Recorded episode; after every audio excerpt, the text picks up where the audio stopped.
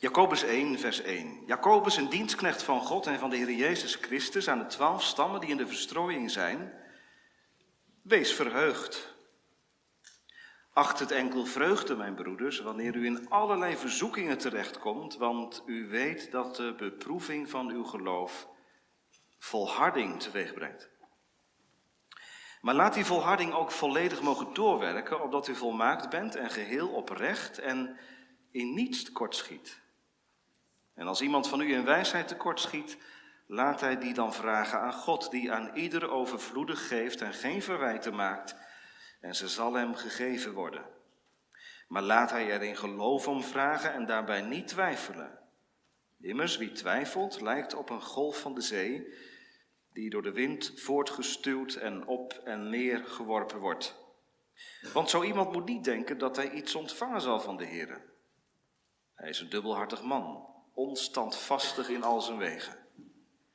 Maar laat de broeder die nederig is zich beroemen op zijn hoge staat en de rijke op zijn nederige staat, want hij zal als een bloem in het gras voorbij gaan. Want de zon is opgegaan met haar hitte en heeft het gras doen verdorren. Ook is zijn bloem afgevallen en is de schoonheid van zijn uiterlijk verloren gegaan. Zo zal ook de rijke in zijn wegen verwelken.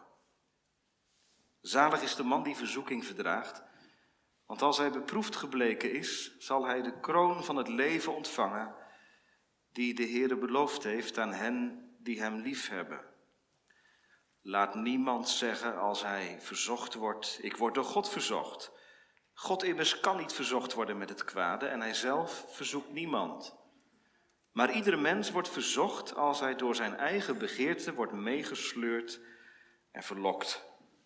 Daarna, wanneer de begeerte bevrucht is, baart ze zonde en wanneer de zonde volgroeid is, baart ze de dood. Dwaal niet, mijn geliefde broeders. Elke goede gave en elk volmaakt geschenk is van boven en daalt neer van de Vader de lichten bij wie er geen verandering is of schaduw van omkeer. Overeenkomstig zijn wil heeft Hij ons gebaard door het woord van de waarheid, opdat wij in zeker opzicht eerstelingen van zijn schepselen zouden zijn. Dit is ter inleiding bij zondag 52. Dat is de laatste zondag van de catechismus. Die bestaat uit drie onderdelen.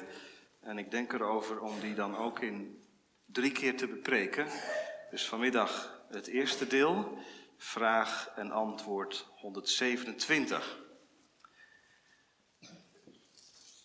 Wat is de zesde bede? Antwoord en leid ons niet in verzoeking, maar verlos ons van de boze. Dat wil zeggen omdat wij uit onszelf zo zwak zijn dat wij geen ogenblik staande zouden kunnen blijven en omdat bovendien onze doodsvijanden, de duivel, de wereld en ons eigen vlees, niet ophouden ons aan te vechten, wil ons toch door de kracht van uw Heilige Geest overeind houden en sterken, opdat wij in deze geestelijke strijd niet bezwijken, maar altijd krachtig weerstand bieden, totdat wij uiteindelijk volkomen de overhand krijgen.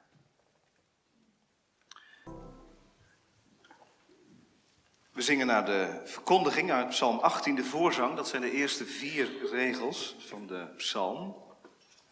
Over God als steenrots, burg en helper. En daarna vers 9. Hij is een schild en schutsheer voor de vromen. Voor wie tot hem de toevlucht heeft genomen. Psalm 18, de voorzang en het negende vers, straks naar de verkondiging. Gemeente van God te Apeldoorn, het is oorlog. Ja, zegt iemand, dat wist ik ook wel. In Israël en in Oekraïne en op nog heel veel meer plaatsen. Het is oorlog. Ja, maar die oorlog bedoel ik niet. Ik bedoel de oorlog waar u en jij en ik in betrokken zijn. De Bijbel noemt dat de geestelijke strijd. We hebben allemaal mee te maken. Stel je nou voor dat je wakker wordt hè, in oorlogsgebied. Stel je nou voor, je bent iemand die in Oekraïne geboren is of in Israël en je wordt iedere morgen wakker in oorlogsgebied. Hoe zou dat er dan uitzien? Zou je dan zo rustig wakker worden als jij wakker wordt? We kunnen ons natuurlijk geen voorstelling van maken, maar ik vermoed dat we, zelfs als we wakker worden, gespannen zijn. Waar zijn de vijanden nu? Moet ik op mijn hoede zijn? Moet ik de schuilkelder? Wat een druk legt dat op het leven als je in oorlogsgebied moet leven. Ja, logisch toch dat je dan zo gaat leven. Ja, dat is eigenlijk heel logisch, ja. Dat je op je hoede bent, omdat het oorlog is om je heen. En het kan zomaar gebeuren dat die oorlog ook jou raakt.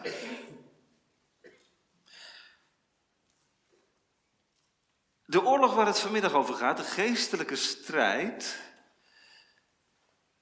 die raakt ons allemaal. Tenminste, ze zou ons moeten raken. We zouden er zo mee bezig moeten zijn dat we net als Luther gaan slapen met de vijfde bede. Vergeef ons onze schulden. En wakker worden met de zesde bede. Leid ons niet in verzoeking, maar verlos ons van de boze. Zo bracht Luther het onder woorden. Nou, het hoeft natuurlijk niet precies op die manier. Maar functioneert het zo in mijn leven? Ik ga slapen met vergeef ons onze schulden. Ik word wakker met leid ons niet in verzoeking, maar verlos ons van de boze. O God, hoe vaak rol ik niet de dag in? En doe ik alsof ik in Luilekkerland leef. Alsof er geen duivel is, alsof er geen wereld is, alsof er geen hart van mij is. Dat overal en dan van alles en nog wat begeert.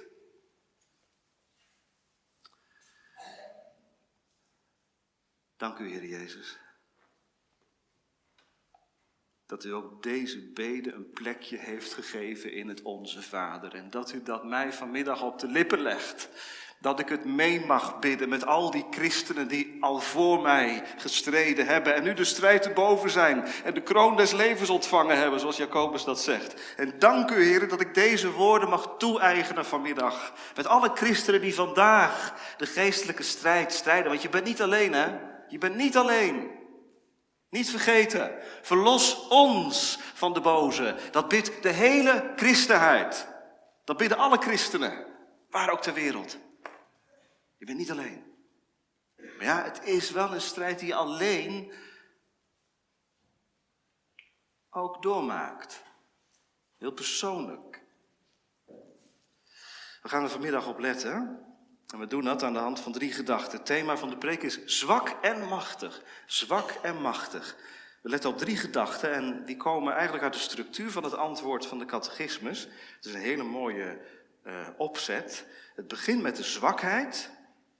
En dan halverwege zo'n beetje, u ziet dat ook hè, als u even meeleest, halverwege, dan verandert de toon van het antwoord, dan wordt het een gebed. Wil ons toch, dat is een gebed, wil ons toch door de kracht van uw Heilige Geest enzovoort. En dan eindigt het met het uitzicht op de overwinning. Dus het begint met de zwakheid, dan komt het gebed halverwege en dan eindigt het met de overwinning. Vandaar de drieslag, de beleidenis van zwakheid, het gebed om de geest en de overwinning door Christus. Allereerst dus de beleidenis van zwakheid. Gemeente, de vijfde en de zesde beden, ze horen bij elkaar. De vijfde bede ging over het vergeven, vergeving, sorry, vergeving vragen van schulden. Vergeef ons onze schulden. Vergeef mijn zonden. De zesde bede gaat over de blijvende invloed van ja, de boze en van de zonden. Het is niet zo dat ik met het gebed vergeef mij mijn schulden klaar ben.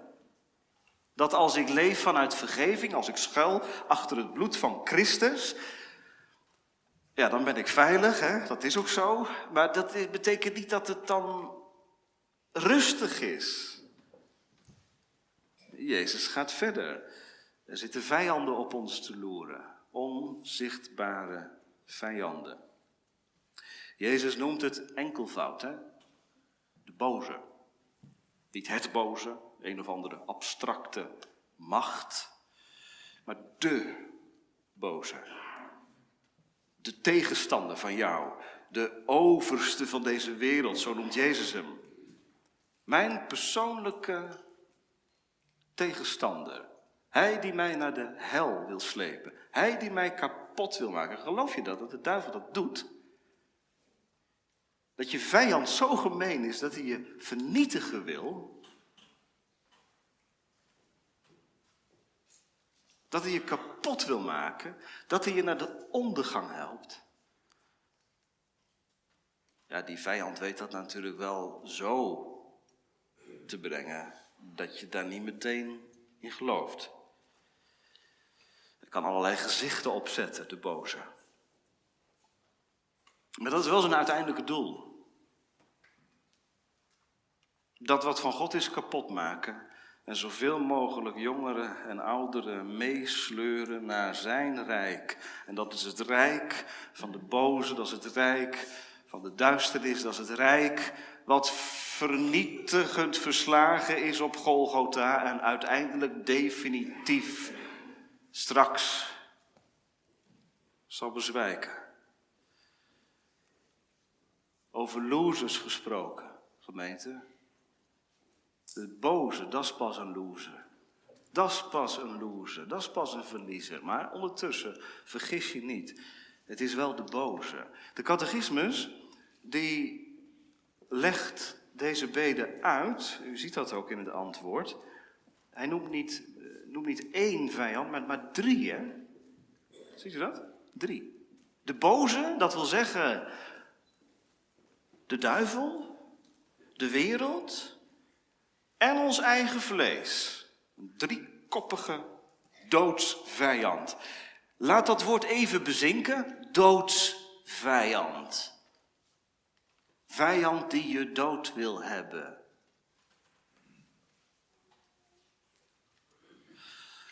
Op één front vechten is al zwaar, maar op drie fronten vechten, dat is pas echt zwaar.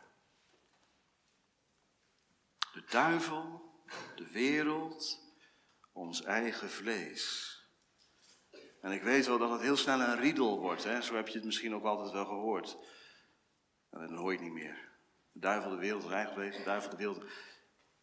Het zit er gewoon helemaal in, hè? Maar wat is dat nou? De duivel, de wereld en ons eigen vlees. Hoe manifesteert hij zich? Daar gaan we het zo over hebben. De inzet van de catechismus is niet de vijand, maar dat zijn wij. Dat wil zeggen, omdat wij uit onszelf zo zwak zijn dat wij geen ogenblik staande kunnen blijven. De catechismus exegetiseert de woorden van Jezus allereerst met het oog op onze eigen zwakheid. Over wie gaat het hier? Over christenen, over kinderen van God, over volgelingen van het Lam. Over mensen die beleiden dat ze in leven en sterven het eigendom zijn van Jezus Christus. Zo zwak. Dat je geen ogenblik. Wat is een ogenblik, kinderen? Knipper eens met je ogen. Doe het eens. Dat is een ogenblik. Is niet een beetje overdreven van de catechismus? Eén ogenblik. Ja, het kan in een ogenblik gebeuren hoor. In een fractie van een seconde. Een beeld wat zich vasthecht. Iets wat je ziet, iets wat je hoort, iets wat je leest. Een gedachte die naar boven komt. En dan ga je. Dit is niet pessimistisch. Dit is heel realistisch. De Heer Jezus leert zijn discipelen dit te bidden omdat hij weet hoe zwak ze zijn. Dat is het eerste wat we moeten bedenken. Ja, ik zeg nu wel discipelen, maar misschien dat er iemand zegt hè, van, ja, dus dit gaat over kinderen van God, dit gaat over christenen. Ja, dit gaat dus niet over mij, ik strijd dus niet de geestelijke strijd, dus ik kan het vanmiddag laten gaan. Nee, want Heer Jezus leert het onze Vader aan zijn discipelen, maar dat betekent niet dat het voor de mensen eromheen niet bedoeld is. Jezus heeft niet in geheimtaal gesproken, hij heeft dit gebed geleerd aan zijn discipelen, maar het is ook gehoord door de scharen. Het heeft een plek gekregen in de Bijbel. Je mag het bidden. Iedereen mag het bidden. Doe het maar. Als je niet kunt bidden, gebruik het onze Vader als gebed. Dan kom je ook vanzelf bij die zesde bede. Waarmee je dus eigenlijk zegt, ik ben zwak. Nou, als er iets is wat wij vandaag liever niet zijn, is het dat. Zwak. Je moet fit zijn en vitaal. En je moet goed in je vel zitten. En je moet kunnen presteren. En je moet je, nou ja. En dan kom je in de kerk en dan gaat het over zwak zijn. Nog een stapje verder, je kunt een volwassen gelovige zijn. En ze zelf zo zwak dat je geen moment geestelijk kunt standhouden. Wilt u bewijzen uit de Bijbel? Laat ik twee geven. Twee personen uit de Bijbel die dat uh, ontdekt hebben. Want het is ook een ontwikkeling, een, een proces. Petrus, hij is degene die het gehoord heeft van de Heer Jezus, dit gebed. Petrus, dat was toch de man die te vuur en te zwaard Jezus verdedigde. dat was de man die, die de beleidenis uitsprak. U bent de Christus, de Zoon van de levende God. Dat was de man op wie Jezus kon bouwen. Dat was de man die zei, als u, als u de gevangenis in, ik zal ervoor zorgen dat het niet gebeurt. Ik zal voor u strijden. Dat was Petrus. Vurige christen, vol passie, liefdevol, betrokken op de zaligmaker. Maar u weet hoe het gaat, hè? wij weten hoe het gaat in Petrus' leven. Niemand valt zo diep als Petrus. Hij verlogent de zaligmaker. Is uit onszelf zo zwak, Petrus, dat je geen ogenblik staande kunt blijven. Daar gaat hij, voor de bel, bij het vuur. Ik ken hem niet. Pas veel later, dan is hij echt al op leeftijd, schrijft hij in zijn brief over de duivel die rondgaat als een briesende leeuw. Dan is hij op leeftijd, dan is hij geestelijk ontwikkeld. Dus blijkbaar heeft het ook iets met je geestelijke ontwikkeling te maken, dat je deze taal, deze woorden ook uit en Dus ja, het is ook wel een, een, een thermometer die er vanmiddag even ingaat. Hè? Eh, in, in, ehm, in je geestelijk leven als het ware. Hoe staat het ermee? Is dit onderdeel van je geestelijke woordenschat? Of uh, heb je het alleen over groei in het geloof? Dat is ook een onderdeel hè, van het christelijk leven. Maar groei in de kennis van de boze en van je eigen zwakheid is er ook onderdeel van. Niet vergeten, hè? Wat een eerlijk antwoord.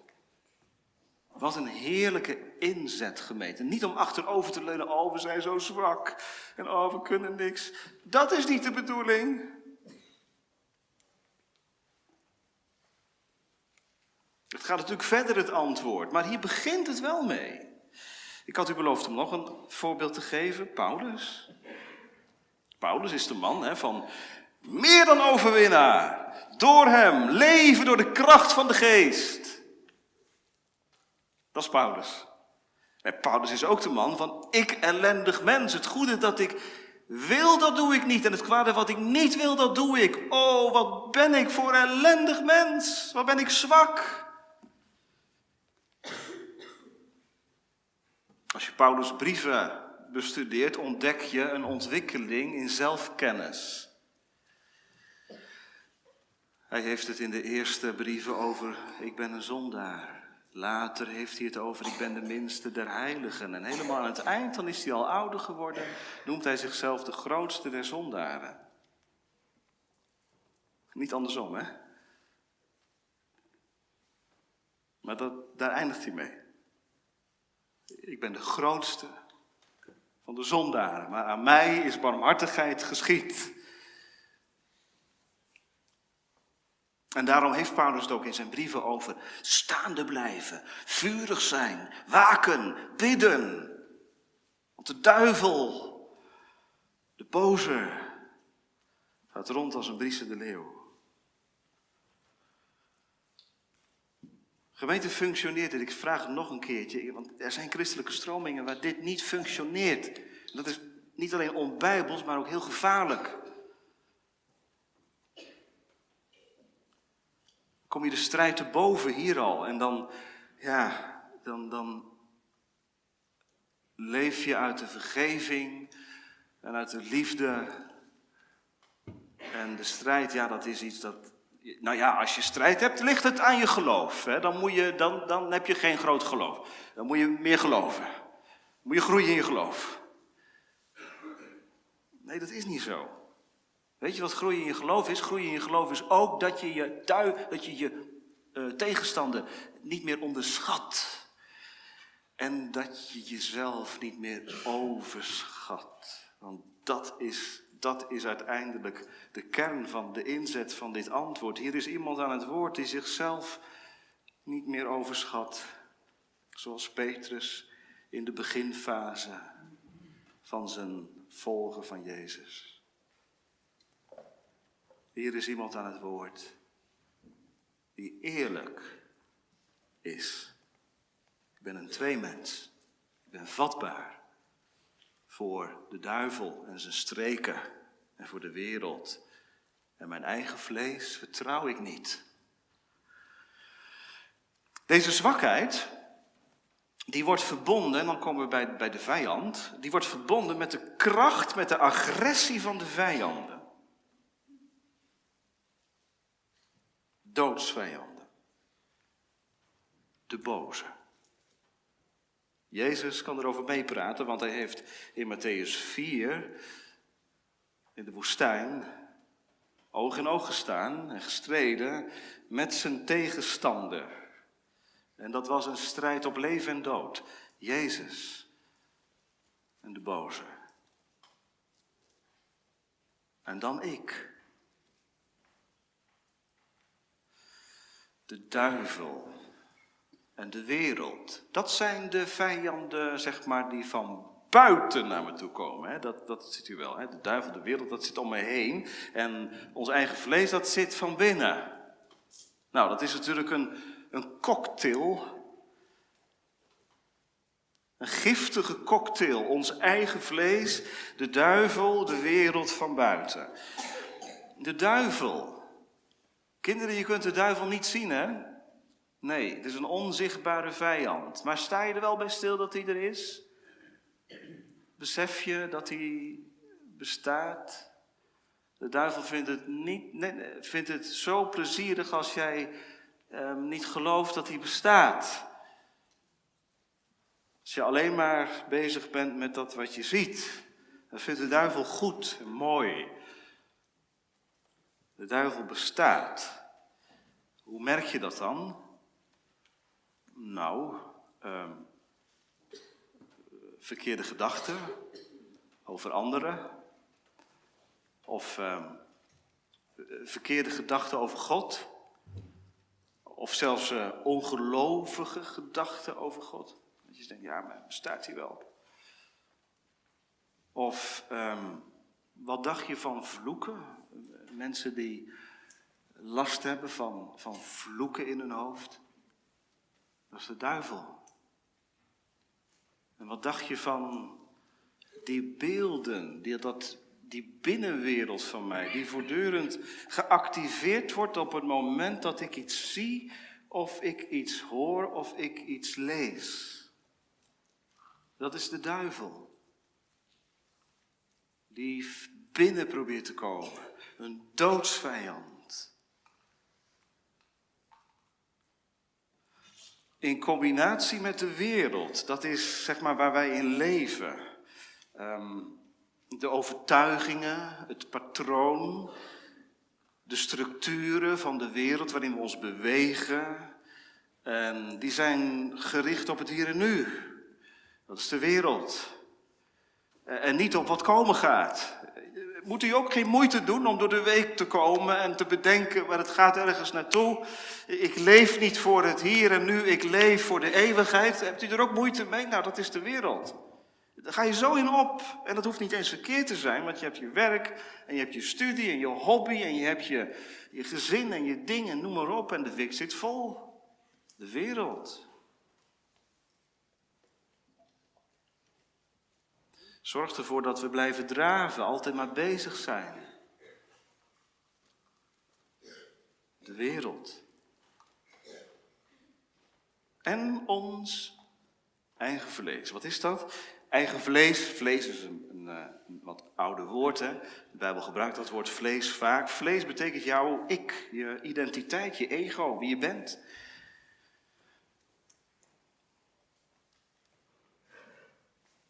Hoe het er van binnen aan toe gaat, ja, dat weten we niet van elkaar. Maar soms barst de vulkaan ineens uit. Hè? Heb je gelezen van die uh, vulkaanuitbarsting in uh, IJsland?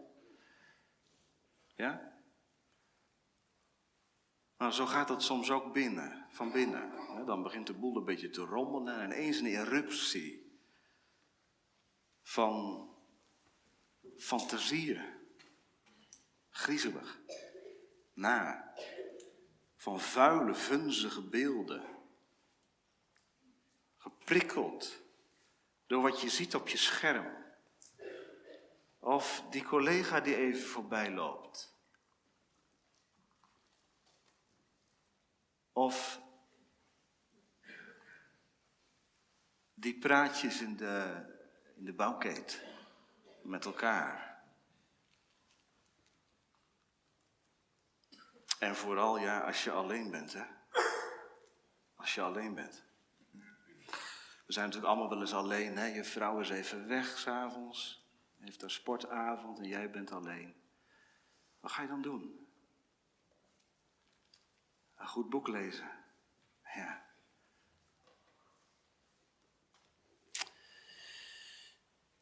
Je telefoontje. Mijn telefoontje.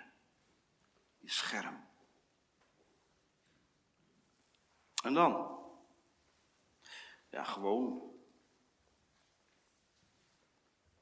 Even surfen. Social media even bijhouden, wat is allemaal. En dan ineens een gedachte en je tikt het in.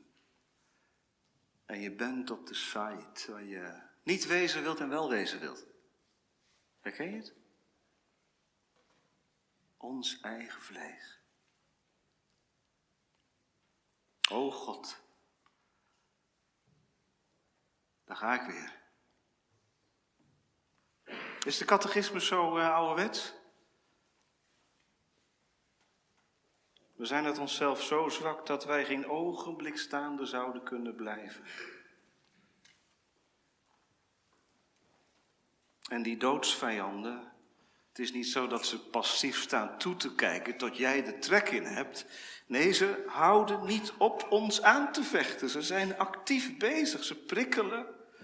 Ze vragen om aandacht. Je scherm schreeuwt, smeekt. Kijk. Die leuke collega die langsloopt. Smeekt om aandacht. En van het een komt het ander. Ja, we begrijpen elkaar zo goed. We gingen wat drinken. Ons eigen vlees.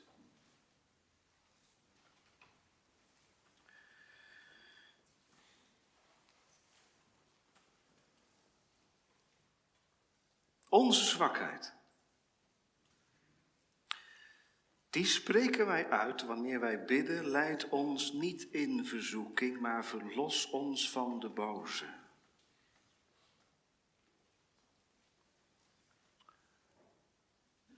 En dat brengt bij de tweede gedachte, het gebed om Gods geest. Want wat wil de Heer Jezus nu bereiken als Hij deze woorden ons op de lippen legt? Wat wil Hij nou bereiken? Ja, allereerst dat wij erkennen, wij zijn zwak, wij zijn vatbaar voor verleiding en verzoeking. Maar de bedoeling is dat je deze woorden als een gebed leert bidden. En ik heb het al gezegd, je mag het ook met elkaar bidden. Dus doe dat maar samen met je man en met je vrouw. Of samen met het gezin na vandaag. Dan zeg je van ja, dit hebben we nodig. Dit hebben we nodig als gezin. Dit hebben we nodig als echtpaar. Om staande te blijven, om rein te blijven in deze onreine tijd. Wij gaan samen dit gebed bidden. We doen het iedere dag, want Jezus heeft het ons geleerd. Leid ons niet in verzoeking, maar verlos ons. Als je single bent, bidden. Leid ons niet in verzoeking.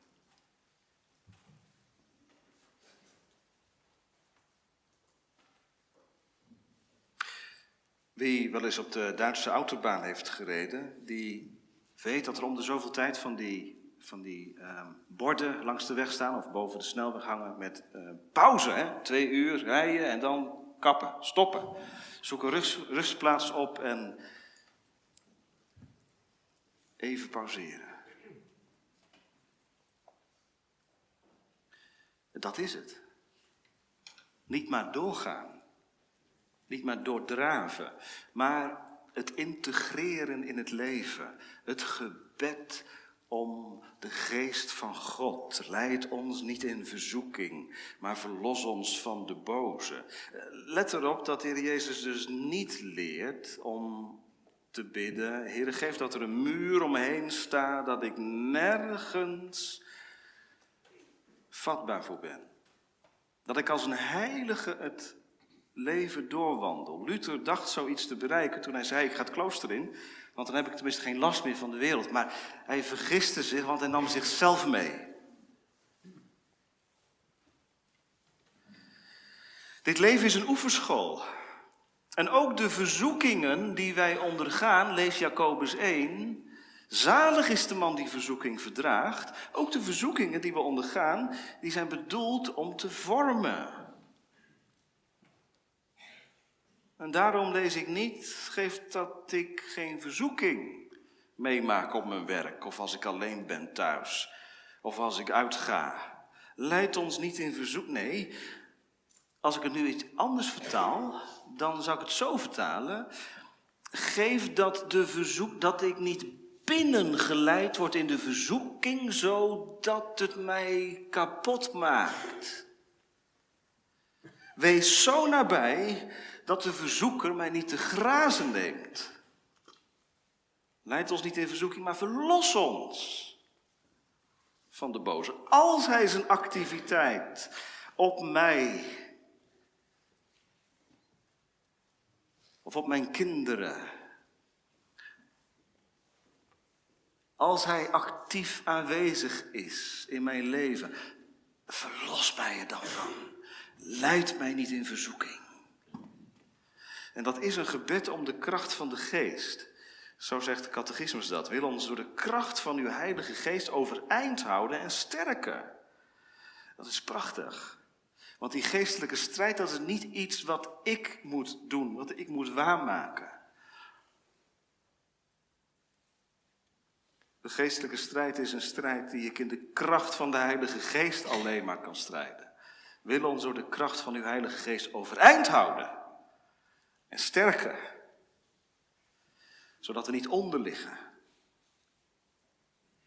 Wat is dat machtig? Iedere keer als jij bidt, hè, als je je zwakheid beleidt en ook als je valt in zonde en dan denkt, nou ik ga maar niet naar de Heer toe, want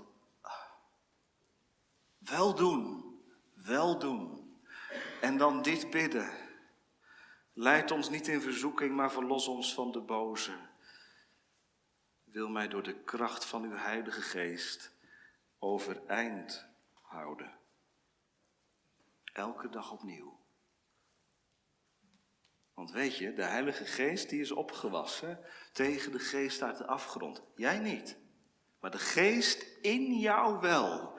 Als je gelooft in Christus, als je schuil gaat achter het bloed van Christus, heb je de Heilige Geest ontvangen. En die Heilige Geest, die is in staat om jou zo te bekrachtigen dat je overeind wordt gehouden en versterkt wordt. Het staat er echt, hè? Want er was wat smanend gedaan over de catechismus. Dat, ja, een beetje mager zou spreken over, over eh, geestelijke groei en zo. Maar moet je, moet je dit eens lezen? Door de kracht van de Heilige Geest overeind. Niet vallen, overeind blijven. En sterker, zodat ik niet bezwijk in de geestelijke strijd. Weet je, het Onze Vader, de woorden van je Heer Jezus, die zijn eigenlijk de tegenbeweging die je nodig hebt. Om die steeds maar uh, aan aandacht vragende uh, boze tegen te staan. En daarom begrijp ik Luther. Als hij zegt, ik word wakker met de zesde bede. Want als ik wakker word en als ik met mijn been naar bed stap en mijn telefoon pak of naar beneden ga, mijn kinderen zie en mijn vrouw of naar mijn werk ga. Nee, voor die tijd bid ik, leid mij niet in verzoeking, maar verlos mij van de boze. Ik bedenk terdege dat de boze ook vandaag weer paraat is. En hij kent geen genade hoor. Hij wil je verzwakken broeder. Je luistert vanmiddag en je zegt het gaat over mij. Hij wil je verzwakken en hij wil niet dat je hier aan toe komt. Hij wil dat je blijft bij, ach, ik val toch weer. Deze week gaat het ook weer mis. Want vorige week ging het mis en ja, zal het deze week wel misgaan. Het gaat al zo lang mis. Verlos ons van de boze. Ja, het zou wel aan mijn geloof liggen, zegt er iemand. Nee, dat lees ik niet.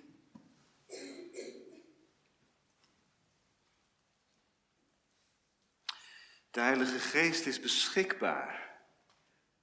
Hij wil leiden in de waarheid. Hij wil verbinden aan de Heer Jezus Christus. Dat doet de Heilige Geest. Die laat zien, want daar bied je om, hè? die laat zien dat Christus degene is geweest die de boze heeft tegengestaan en heeft overwonnen. Dat doet de Heilige Geest. Die leidt je naar Christus. Bid erom. Hou me overeind door de kracht van de Geest en sterk mij. En dan het slot. Opdat, het heeft een doel. De overwinning door Christus. De Heilige Geest. Hij geeft het zicht op Christus. Wat laat hij dan zien?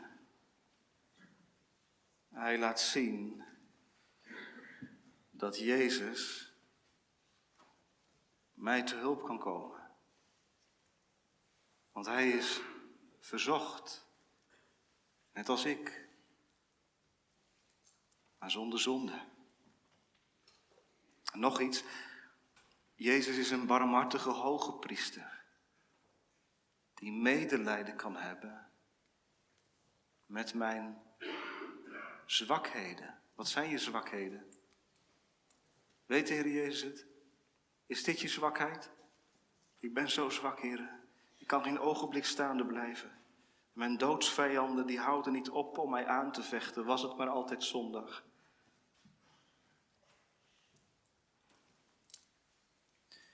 We hebben een hoge priester die medelijden kan hebben met je zwakheden. En hij weet die concrete zwakheid, die open plek in je leven.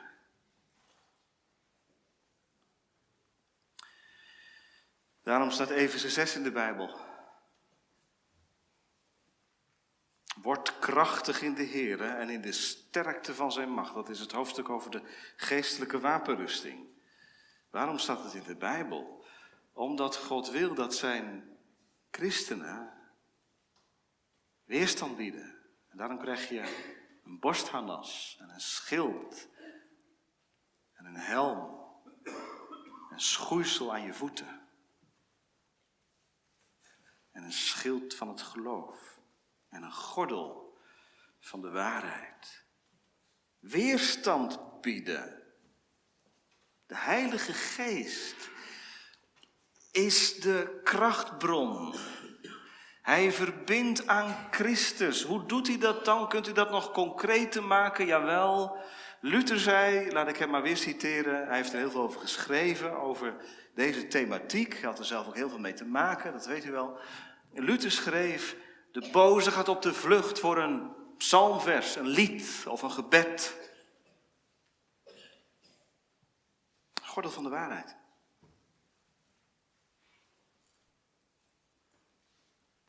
Grijp naar het woord. Zing een psalm. Zet muziek op. Zing een lied. Bid tot God. Want het gaat samen op. De kracht van de geest en weerstand bieden. Dat is actief, hè? Altijd krachtig weerstand bieden. Door de geest weerstand bieden.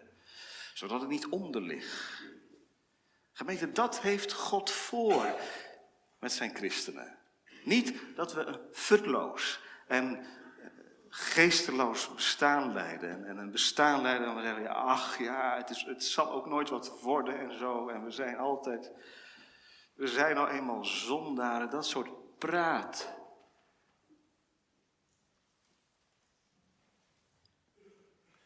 Waarom zit je op je sportschool? Wat doe je daar? Conditietraining. Waarom doe je dat? Heeft toch geen zin? natuurlijk wel. Met mijn persoonlijke coach heb ik al deze en deze targets behaald. En ik ga door.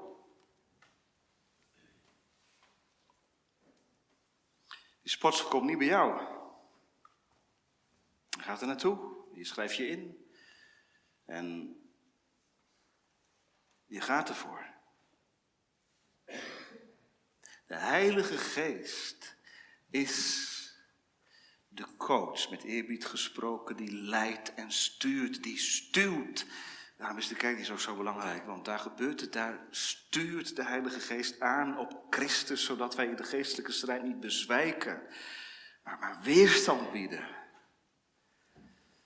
Want het gaat om de overwinning, totdat wij uiteindelijk volkomen de overhand krijgen. Het geestelijk leven is geen succesverhaal, zegt de catechismus.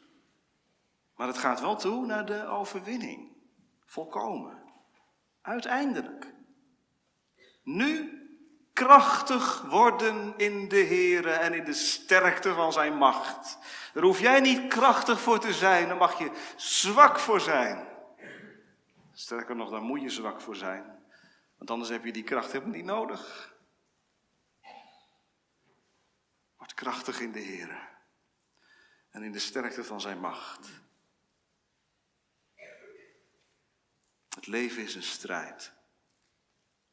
Dat zeggen we dan vaak tegen elkaar. Hè? Welkom in de strijd. Dominee Abma, de bekende dominee Abma, die schreef een verhandeling over deze zondag. En hij zei, ik snap het wel, welkom in de strijd, dat we dat zeggen. Maar met evenveel recht mag je tegen een christen zeggen, welkom in de overwinning. Je bent geen verliezer.